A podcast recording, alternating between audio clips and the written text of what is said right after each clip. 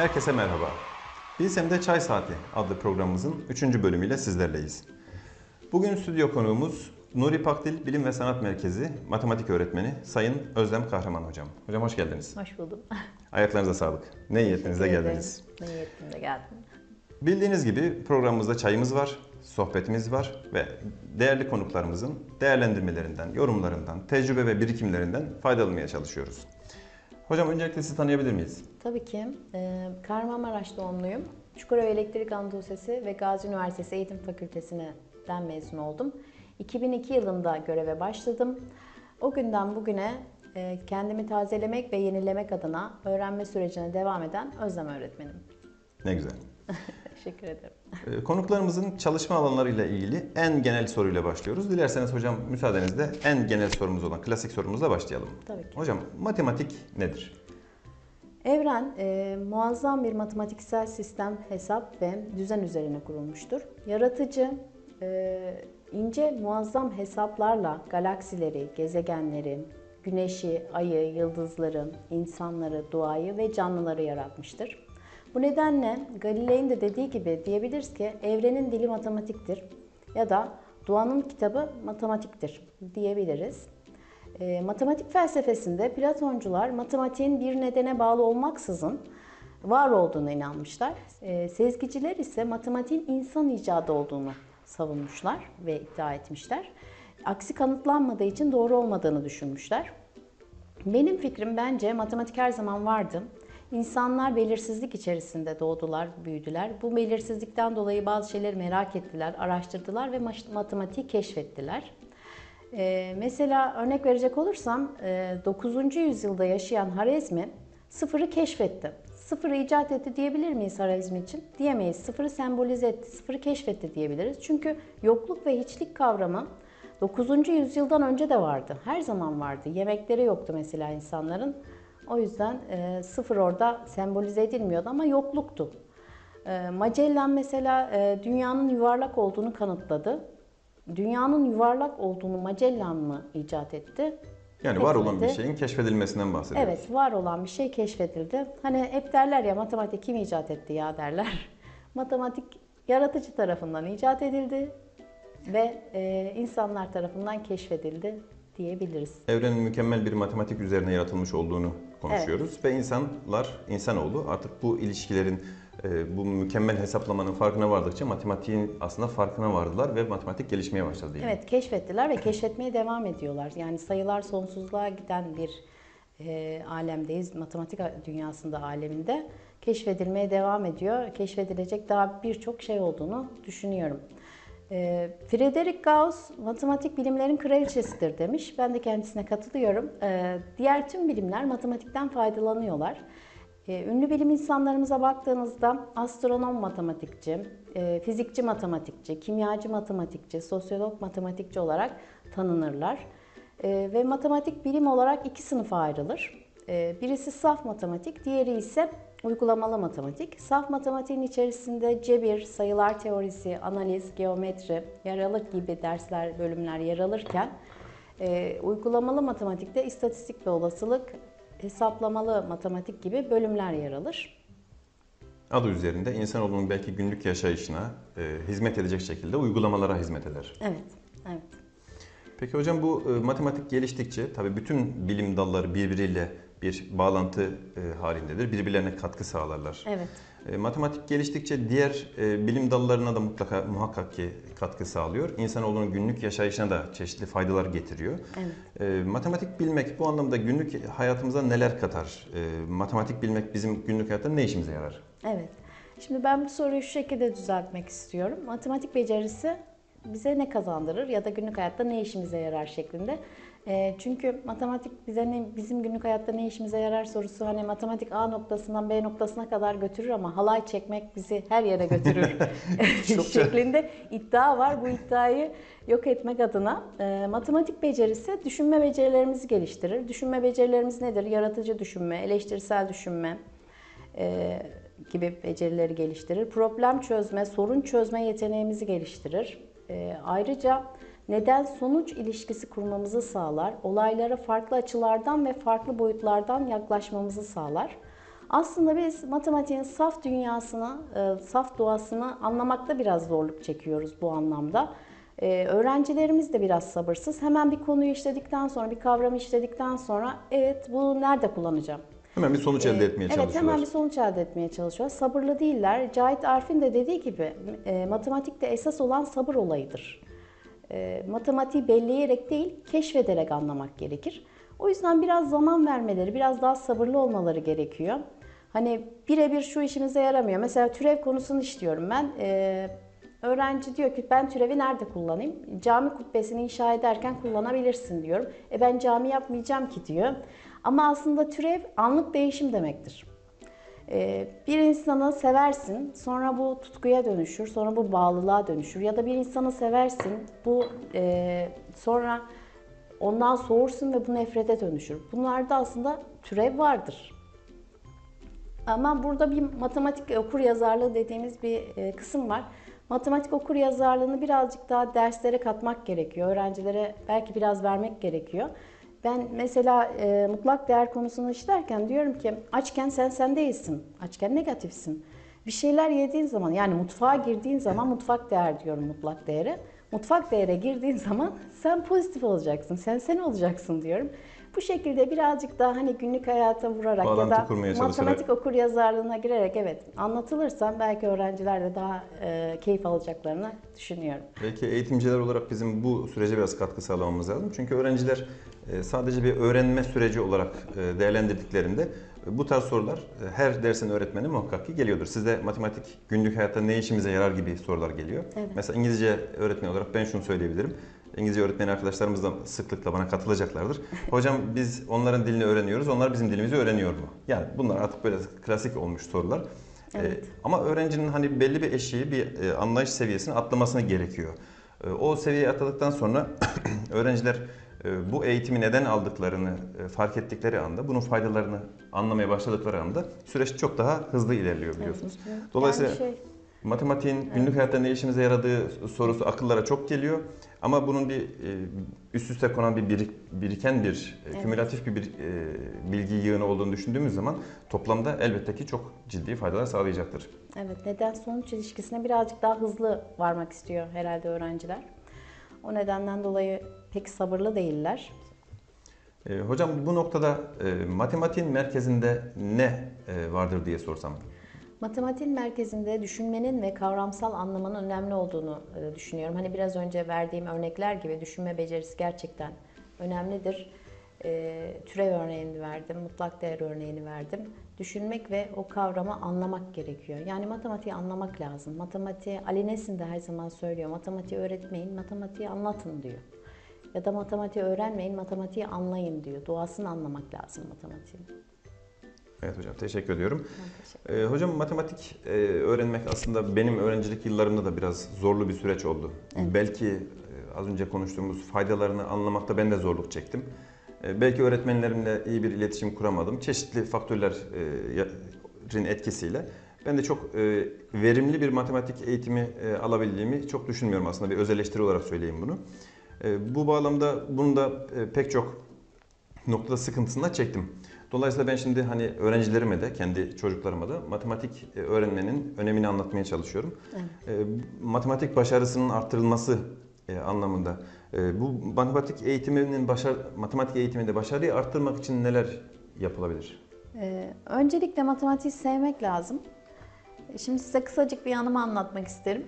Ee, ben öğretmenliğe ilk bir köy okulunda başladım. Daha okullar açılmamıştı. İdarecilerimle tanışmak için ve okulumu görmek için gittim de okula. Ee, müdür yardımcım dedi ki, işin çok zor dedi. Seni korkutmak istemem ama dedi. Bu okuldaki hiçbir öğrenci matematiği sevmiyor dedi.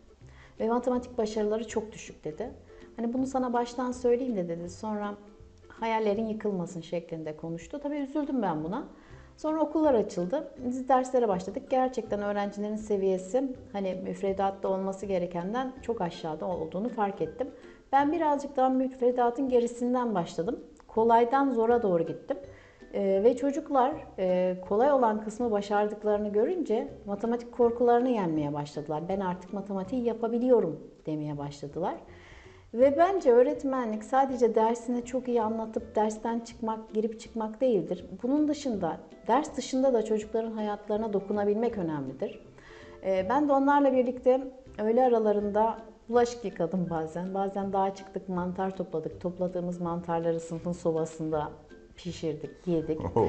Bu şekilde paylaşımlar yaptım ve çocuklar kısa bir süre sonra beni de sevmeye başladılar. Beni sevdikten sonra benim o dersin öğretmeni olduğum için matematik dersine karşı sevgileri de arttı. Çünkü artık matematikten korkmuyorlardı. Matematiği başarabileceklerini gördüler. Çünkü çok kolaydan başlamıştık. Ee, bayağı da bir geriden gittik. Ee, matematik korkularını yok ettim. Matematik sevgilerini artırdım. Bu şekilde e, güzel, verimli bir şekilde devam ettik. Sonra ben okuldan ayrıldım. Merkezde bir okula gelmiştim. Ee, bir öğle arası uzaktan böyle kalabalık bir öğrenci grubu gördüm. Tabii kim olduklarını önce tanıyamadım. Birazcık daha yaklaşınca e, baktım benim çocuklarım. Beni ziyarete gelmişler. Ee, çok güzel bir sevgi seriydi. Bu da unutamadığım anılarımdan biri olarak en kaldı. güzel tarafı zaten sanırım budur. Yani e, ekmiş olduğunuz fidanların büyüdüğünü gördüğünüz zaman ve onların tekrar size duygusal olarak geri dönüşünü e, yaşadığınız zaman e, tarif edilmez bir duygu. Evet. Ve öğretmenlik mesleğinin en büyük kazancı, karı, getirisi bu olsa gerek diye Evet, düşünüyoruz. içsel tatmin çok önemli. Çünkü bir sürü zorluklarla öğretmen olarak karşılaşıyoruz ama içsel tatmini yaşıyorsan o şekilde devam ediyorsun heyecanla. Bu anlamda öğrencilerin kalbine dokunmak çok önemli. Onlarla bir duyguyu paylaşmak çok önemli. Onlarla o iletişimi sağladığınız zaman, o duygusal birlikteliği yakaladığınız zaman e, sanırım yapamayacağımız bir şey yok. Evet. Yani öğrencilerin başaramayacağı bir şey yok. Bu anlamda önümüz açılıyor diyebiliriz artık. Evet, e, matematik sevgisinin olması gerekiyor. Ve matematik zor bir ders. Yani bunu kabul etmek lazım. Hani ben e, Biraz de soyut bir olduğu sürü- için olabilir mi? Evet, soyut olduğu için. Ben de bir sürü çalışmalar yapıyorum. İşte oyunlarla matematik öğretmeye çalışıyorum, hikayelerle matematik öğretmeye çalışıyorum. Matematiği sevimli ve eğlenceli hale getirmek istiyorum ama aslında doğasına bakarsanız soyut bir kavram olduğu için, matematikte soyut kavramlar çok fazla geçtiği için matematik zor. Bu zorluğu kabul etmek lazım. Matematik zor ama ben zoru seviyorum. Zorluk da sevilir. Hep kolaylık sevilecek diye bir şey yoktur ki zaten zoru sevmektir önemli olan bence. E, matematik sevgisi önemli. Matematiğin zor olduğunu kabul edip o zorluğu sevmek gerekiyor. Bir de matematik ön yargısı gelişiyor. Bu aslında öğrencilere bazen çevreden, veliden kaynaklanan, bazen öğretmenden kaynaklanan, bazen de kendilerinin işte kolayı tercih etmesinden kaynaklanan bir ön yargı. Ben matematikten korkuyorum, ben matematiği sevmiyorum şeklinde. Bunlar ön yargılar. Çünkü insanlar matematiği o kadar böyle zor e, ve ulaşılmaz gösteriyorlar ki işte hadi şu bakalım şu matematiği hallet, her şeyi halledersin şeklinde. Çocuğun gözü korkuyor matematikten. Bir ön yargı orada gelişiyor. E, Bir de matematik kaygısı var. Matematik kaygısının da yani e, kaygı aslında başarı için gereklidir ama az bir miktarda gereklidir. Arttıkça başarısızlığa götürür. O matematik kaygısının da böyle minimum seviyede, az bir seviyede olması gerekiyor matematik başarısı için. Hocam bu ön yargıları yıkmak aslında belki de işin e, en önemli kısmı. Belki de önümüzdeki en büyük ket, en büyük engel bu. Bunu aştığımız zaman işlerimiz kolayla- kolaylaşıyor. Az önce dediğim gibi ben öğreti- öğrencilik hayatımda çok verimli bir matematik eğitimi e, süreci geçirmedim. Pek çok e, imtihanda da sınavda da bunun zorluğunu yaşadım. Bir örnek de ben vermek isterim şimdi. E, Yedek subay olarak askerlik görevimi yaptığım zaman da bir e, eğitim merkezinde görevliydim. Ve e, oradaki e, kısa dönem öğretmen olan kısa dönem e, askerlerimizle birlikte bir e, kurs işletiyorduk. Bir kurs faaliyetleri yürütüyorduk. Orada matematik öğretmeni olan, e, buradan da çok selam e, gönderiyorum. E, Mehmet Kaya matematik öğretmeni sevgili kardeşim.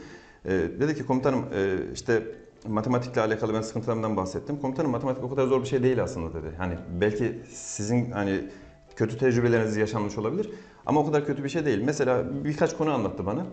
Benim ben mesela dedim şu konuları ben hayatta yapamam dedim. Komutanım o çok kolay dedi. Şu şöyle bu böyle çok basit bir şeydi anlattı. Sonra şu soruyu yapar mısınız dedi. Ben tık tık yapmaya başladım. E dedim matematik böyle bir şey miydi dedim. Bu dedi. Aslında şöyle belki de e, bu ön yargılardan dolayı biz matematiğin e, içinde yol alamıyoruz, algılamamızda algılamakta geç kalıyoruz. Matematik başarımız belki bu ön yargılar yüzünden hep e, düşük olarak ortaya çıkıyor. Dolayısıyla bu ön yargıları aştığımız zaman aslında e, işin e, o kadar da komplike, o kadar da ağır olmadığını fark ediyoruz. Öğrenilebilen, yapılabilen bir şey olduğunu Evet, görüyoruz. çalışmayla her şey başarılabiliyor aslında. Bir de e, her bireyden e, çok yüksek matematik başarısı beklememek lazım. Çünkü e, bizim 5 duyu organımız var. Altıncısına biz altıncı his diyoruz. Bazı insanların ve bazı hayvanların altıncı hisleri çok gelişmiştir bilirsiniz. Yedinci hissimizin adı da sayı hissi. Sayı hissi doğuştan var olan bir özellik ve sonradan geliştirilebiliyor. Yani bazı insanlar gerçekten doğuştan olarak matematik zekası birazcık daha yüksek doğuyorlar. Ee, bu farklılıkları da göz önüne almak lazım ama çalışarak da çok şey gerçekten e, çok üst seviyelere çıkılabiliyor. Çalışmak önemli. Yeni yaklaşımlarda bunlar öne çıkarılıyor. Çoklu zeka e, teorisine göre e, her bireyin baskın olan zeka türünü e, önceleyerek kurgulanan bir eğitim modelinden bahsediyoruz. Evet. Orada zaten e, açıkça fark ediyoruz. Bazı bireylerde sayısal zeka, matematik zekası baskınken bazılarında müzik zekası, müzik yeteneği ön planda oluyor. Bazılarında sözel, bazılarında farklı alanlarda. Bu farklılıkları aslında biz birazcık da Evet. değerlendirmeliyiz, göz önünde bulundurmalıyız. Daha çok değerlendirmeliyiz. Evet. Yani e, Picasso çok iyi bir ressam. Muhammed Ali de çok iyi bir boksör. E, Picasso'ya boks yap desen belki dünyanın en kötü boksörü olacaktı. Ya da Muhammed Ali'ye sen ressam ol desen dünyanın en kötü ressamı olacaktı. Bireysel farklılıklar önemli. Kesinlikle. Hocam bu anlamda bu bireysel farklılıkları da göz önünde bulundurarak e, bu e, ön yargıları aşmaktan bahsediyoruz. Sizin bu alan- alanda çalışmalarınız olduğunu biliyoruz. E, biraz bu çalışmalarınızdan bahsedelim. E, çalışma yayınlarınız var, projeleriniz var, yayınlanmış kitaplarınız var. Biraz bu kitaplarınızdan bahsedebilir miyiz? Tabii ki. Ee, öncelikle kitaplardan bahsedelim o zaman. Ee, pandemi yani salgının ilk dönemlerinde e, eve kapandığımız dönemlerde Türkiye'nin dört bir köşesinden 20 tane öğretmen bir araya geldik. Matematiği daha eğlenceli hale, daha sevimli hale nasıl getirebiliriz diye biraz toplantılar yaptık. Ondan sonra da e, bu şekilde bir çalışma yaptık. Eğlenceli Matematik diye bir kitap çıkarttık. 20 tane öğretmenimiz var burada Türkiye'nin dört bir köşesinden. Daha çok görsel zekaya dayanıyor. Ee, İlk öğretim 4 ve 8. sınıf kavramlarını içeriyor. Birazcık daha eğlenceli ve somu- e, somut hale, görsel olarak e, hale getirmiş. Güzel bir kitap, güzel bir çalışma oldu. Ee, Ondan sonra e, Genç Matematikçi Hikayeler isimli bir kitap çıkarttık. Bunu Adem Hocam'la birlikte çıkarttık. Kendisi de mesleki anlamda bana çok şey katan e, değerli bir hocamız, ufkumu açan bir hocamız. Burada da ilk, e, ilkokul 1 ve 4. sınıf kazanım odaklı değerler eğitimiyle pekiştirilmiş hikayeler bulunuyor. Temel matematik kavramlarını içeriyor. İlkokul e, her şeyin temelinin atıldığı önemli bir dönem. Bu dönemde çocuklar soyut kavramları kavramakta zorlaş, e, zorlanıyorlar. Burada hikayelerle soyut olan matematiği somut hale getirmeye çalıştık ve güzel bir çalışma oldu bu da. E, Aslında ben bu kitabı temel matematik kavramlarını işlediği için tüm birden 12'ye kadar tüm öğrencilere öneririm. Ee, Çünkü buradaki hikayeleri okudukça kendileri de bundan sonraki gördükleri kazanımlarda ve kavramlarda birazcık daha böyle soyutu somut hale getirmeye başlayabilirler. Ki ben hatırlıyorum ben lisedeydim. Ee, Sinüs ve kosinüs konusunu işliyorduk. Bunu çok yapardım ben. İşte bence derdim sinüs erkektir, kosinüs bayandır.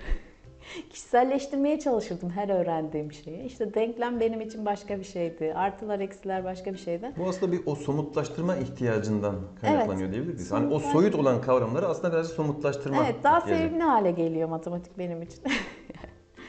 e, projelerden bahsedeyim. 2009 yılından beri TÜBİTAK projeleri yapıyorum. E, hani biraz önce de bahsettik ya, iyi öğretmen aslında dersini çok iyi anlatan öğretmen değil de ders dışında da öğrencisinin hayatına dokunan, onun ufkunu açan öğretmendir diye. Bu bağlamda e, öğrencilerimle birlikte TÜBİTAK projeleri hazırlıyorum. E, tabii ki çok zor bir süreç ve en iyi öğretim şekli projeyle öğretimdir. Çünkü belirli bir konuda bulduğumuz o konuyla ilgili akademik yayınlar, çalışmalar, e, aylarca süren çalışmalar yapıyoruz bir konuyla ilgili ve artık o konuyla ilgili ve o konuyla bağlantısı olan her şeyle ilgili bir sürü araştırma yapıyoruz. Ve Ki güzel proje bir- çalışmalarının belki de özündeki en büyük kazanım o süreçte elde ediliyor. Evet. Öğrencilerin belli bir bilgiye ya da bir e, veriye e, ulaşmak için yaptıkları araştırma süreci Evet, ayrıntılı bilgi topluyoruz onların çünkü. kişisel gelişimlerindeki en önemli basamaklardan bir tanesi aslında. Evet. Ee, bu şekilde 2009 yılından beri yap- yapıyoruz proje çalışmalarını. Dediğim gibi bölge finalisti olduğumuz, bölge derecesi ve Türkiye derecesi aldığımız projelerimiz oldu. Son iki yıldan beri de e, Teknofest projelerine birazcık daha yoğunlaştık. Onlarda da Türkiye dereceleri aldık. Aslında bu projelerde ben çok yoruluyorum. Böyle çok çalışıyorsun, çok yoruluyorsun falan diye e, çevreden de tepki alıyorum. Bu kadar yorma kendini diyorlar ama. e, hani içsel tatmin çok önemli dedik ya. Şimdi yarışmaya gidiyoruz mesela Çibitak'ta. Bölge yarışmasına gidiyoruz Adana'ya. Orada yarışıyor öğrenciler. Öğrenciler projelerini kendilerine güvenerek öyle güzel sunuyorlar ki jürilere ve diğer e, yarışmacılara. Kendine güvenleri geliyor. Değişik bir ortama giriyorlar. Onun heyecanını taşıyorlar. Mesela ben e, ben 8 tane farklı ortaokulda çalıştım. E, Benim hiç piyasaya bile gitmemiş öğrencim vardı ve ben onunla birlikte Adana'da bölge finallerine gittik. Bölge ikincisi olmuştuk. Çocuk piyasayı bile görmemişti ama Adana'yı gördü. İşte biraz gezdirdim ona Adana'yı. O kadar mutluydu ki onun gözlerindeki ışıltı bütün yorgunluğumu aldı. Genellikle de hep böyle oluyor zaten. Hani böyle canla başla çalışan öğrencilerimle e, onların gözlerindeki ışıltıyı görmek bütün yorgunluğumu alıyor. Eminim ki o öğrencinin gözüyle bak- bakabilsek e, bambaşka duygular yaşamıştır o öğrenci. Evet. Yani kendi çalışmasının, kendi dahil olduğu çalışmanın da e, bir neticesiyle Evet. başka bir şehirde, başka bir platformda, başka rakiplerle yarışacak. E, ve o çalışmasını eminim ki çok iyi sahiplenmiştir.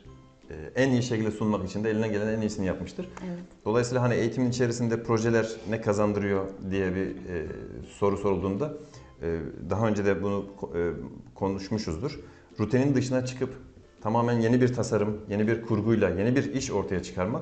e, bunun için araştırmalar yapmak, bir sürü veriyi elde etmek, o bilgileri süzmek, olgunlaştırmak, bir şekil vermek ve ortaya koymak ve onu savunmak eşsiz bir tecrübe olsa gerek. Evet. Dolayısıyla projeler bu anlamda öğrencilere bu kapıları açan Evet. benim kişisel görüşüm en önemli çalışmalardan bir tanesi. Çünkü rutin ve teorik çalışmalar evet tartışılmaz kazanımları olan e, eğitim süreçleri. Tabii. Ama rutinin dışındaki bu tarz özgün çalışmalar ise öğrencilere bambaşka kapılar açan, onları bambaşka dünyalara götüren Evet. e, çok kıymetli çalışmalar diye düşünüyorum. Evet 11-12 yaşındaki çocuklar bu tecrübeleri yaşıyorlar genç yaşta. Farklı illere gidiyorlar. kazanım. Teknofest'e gittiniz. Evet. Teknofest'te tüm Türkiye'den gelen ekiplerle e, birlikte yarıştınız. Evet. Çok güzel tecrübeler olsa gerek. Çok güzel, çok güzel geçti gerçekten. Bu anlamda kurumumuzu da Nuri Pakdil Bilim Sanat Merkezi'nde e, en güzel şekilde e, temsil ettiniz. Teşekkür ederim. Kurumumuzun adını duyurdunuz. Orada e, sizin ekip ekiplerinize biz de varlığımızı orada ortaya koymuş olduk. Bu kıymetli çalışmalar içerisinde size bütün kurumun e, adına ve eğitim camiası adına ben de tekrar teşekkür ederim hocam. Teşekkür ederim. Hocam Bilsem Bilim Sanat Merkezi dedik. Bilim Sanat Merkezi'nde çalışmayı nasıl değerlendirirsiniz? Normal yani örgün eğitimdeki e, temel eğitim kurumları, ilk öğretim e, eğitim kurumlarının dışında Bilsem'de çalışmayı nasıl değerlendirirsiniz? Evet, ben Bilsem'de çalışmayı seviyorum. Ee, Çünkü normal okullarda biraz öğretmen merkezde düz anlatım yapmak gerekiyor. Ee, Gerçi ben biraz farklılaştırmaya çalışıyordum ama yine de temelinde düz anlatım vardı. Ama Bilsem'de öyle değil. Biz etkinlik ağırlıklı anlatım yapıyoruz. Etkinliklerde de düşünme becerisini geliştiren, problem çözme yeteneğini geliştiren, keşfederek öğrenen bireyler yetişiyor. Ee, Yani bu anlamda etkinliklerimiz gerçekten çok güzel ve ben e, burada e, keşfederek öğrenen öğrencilerimin olduğunu gördüğümde çok mutlu oluyorum. Öğretmen ortamımız da çok güzel. Kaliteli e, öğretmenlerimizle, alanında uzman öğretmenlerimizle çalışıyoruz. Yeri geliyor bilimsel sohbetler yapıyoruz. O anlamda ben mutlu oluyorum bilim sanatta. Özgün çalışmalar yapabileceğimiz bir ortamımız var. Aynen özgün çalışmalar yapabileceğimiz ortamımız da var. Güzel. Hocam e, son olarak e, çocukları matematik eğitimi alan e, pek çok veli gibi ben de bir veliyim. Benim çocuklarım da aynı şekilde bu eğitim süreçlerinden geçiyorlar. Matematik eğitimi alıyorlar. E, Velilerimize önerileriniz ne olabilir? Son olarak bunu sormak isterim. Evet. Öncelikle bilsem velilerine e, önerilerimi söyleyeyim. E, şimdi zihinsel yetenekten e, buraya gelen her çocuğun matematiğinin çok iyi olması, çok üstün yetenekli olmasını beklemesinler diye düşünüyorum. E, çünkü biz BYF dönemlerinde yani bireysel fark, e, yeteneklerin farkındalık döneminde bunu çözmeye, bunu keşfetmeye çalışıyoruz. E, zihinsel yetenekten üstün zekalı diye gelen bir çocuk mutlaka matematikten üstün yetenekli ya da üstün zekalı olacak diye bir şey söz konusu değil. Belki sosyal anlamda, sosyal derslerinde daha yeteneklidir. Belki fen dersinde daha yeteneklidir. Belki de matematikte daha yeteneklidir. Hani bu ön yargıyı önce bir yıksınlar. Çocukların üstünde çünkü bu baskı oluşturuyor. Ee, ve bir de tüm veliler için aynı şeyi söylemem gerekirse beceri temelli sorular var şu anda karşımızda. Yani bizim yeni nesil diye tanımladığımız beceri temelli sorular. Bu beceri temelli soruların özünde düşünmek var. Öğrenci soruyu düşünecek ve onu anlamaya çalışacak. Anladıktan sonra çözecek. Bu anlamda bugün matematikten kaç tane soru çözdün? matematikten 50 taneden az soru çözersen olmaz. Hani bir soru sınırı vardır ya matematikten ne kadar çok soru çözersen matematik başarın o kadar yüksek olur diye bir şey var nedense.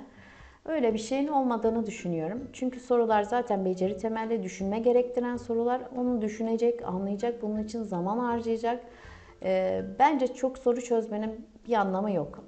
Çözdüğü soruyu anlayarak ve düşünerek çözerse bu daha anlamlı olacaktır. Yani soru çözme soru çözmeden kastımız sayıca çok Evet, soru çözmekten çok. ziyade Evet. affedersiniz anlayarak, düşünerek, analiz ederek verimli bir şekilde, doğru bir şekilde soru çözmeyi Evet. kastediyoruz sanırım. Evet, matematiğin duasında olduğu gibi düşünmek, anlamak, kavramların anlamına varmak gerekiyor. Dolayısıyla çocuklarımızı da e, bu yönde desteklemeliyiz. Evet, Yani çok soru çöz baskısından ziyade soruları doğru bir şekilde anlayarak, anlayarak, özümseyerek çözmesini. çözmesinin daha verimli olacağını düşünüyoruz. Evet, Hocam çok teşekkür ediyoruz. ben teşekkür ederim. Ayaklarınıza sağlık. Çok sağ olun. Ee, başka programlarda da oldum. sizlerle birlikte olmak isteriz tekrar bu stüdyoda. teşekkür ederim. Tekrar teşekkür ederiz hocam. Sağ olun. Ee, bir programımızın daha sonuna geldik. Bilsem'de Çay Saati programlarımız devam edecek. Başka bir bölümde e, tekrar görüşmek üzere. Hoşçakalın efendim.